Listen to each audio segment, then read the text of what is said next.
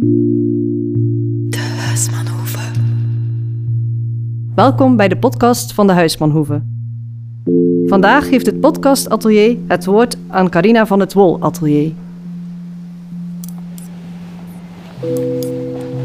Ik uh, ben door mijn zus Mia naar het wolatelier gekomen. Ik heb altijd al heel veel gebreid. Van als ik klein kindje was en ik eigenlijk altijd aan het breien geweest. En Mia die was aan het vertellen over de huismanshoeve. Ze zit hier al een tijdje. Ben hier dan eens geweest en ja, ik vond dat heel tof.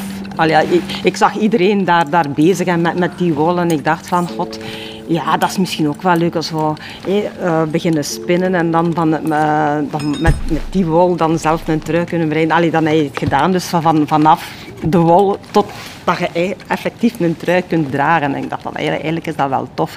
Mijn eerste les spinnen zit erop, brein ik heb ook al een paar lessen uh, vilten gedaan, dus ik vind het allemaal heel tof om te doen. Dus ik ben van plan om te blijven komen. Het is nog niet simpel. Het is nog niet wat dat moet zijn. Ik zal nog wel wat werk hebben om, om dat echt onder de knie te krijgen. Maar ja, ik ben, ben vertrokken.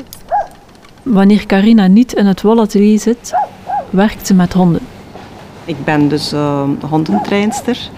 Uh, ik geef al meer dan 20 jaar les. Uh, ik ben instructeur detectie. En mijn hond die zoekt dus op wolven. Hij is de enige hond in België dus die uh, dus de uitwerpselen van uh, wolven zoekt. Ik ga dus regelmatig echt in het wolvengebied um, om uh, wolven, dus om uitwerpselen van wolven te gaan zoeken. Net zoals in het wolatelier vraagt het tijd en geduld om iets te leren. Om detectie aan te leren, uh, ja, dan moet je eerst een geur aanleren. En dat je voor of, ja, of ik, ik heb mijn uh, inoxen boxen, dus uh, waar dat ik ze een geur aanleer. Dus je begint met één box, dat wordt dan uitgevoerd naar twee, drie, vier, tot dan ze uiteindelijk beseffen van, oh, het is die een box met de geur in, die, waar ik altijd een beloning krijg.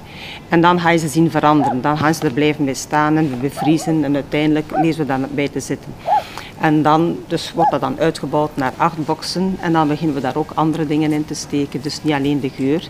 En in één box gaan we dus een goede, dikke verse worst in steken. dus uh, om maar een beetje af te leiden, maar ze mogen dat niet laten doorfoppen. Dus uh, dat zijn allemaal die trainingen uh, dat ik doe.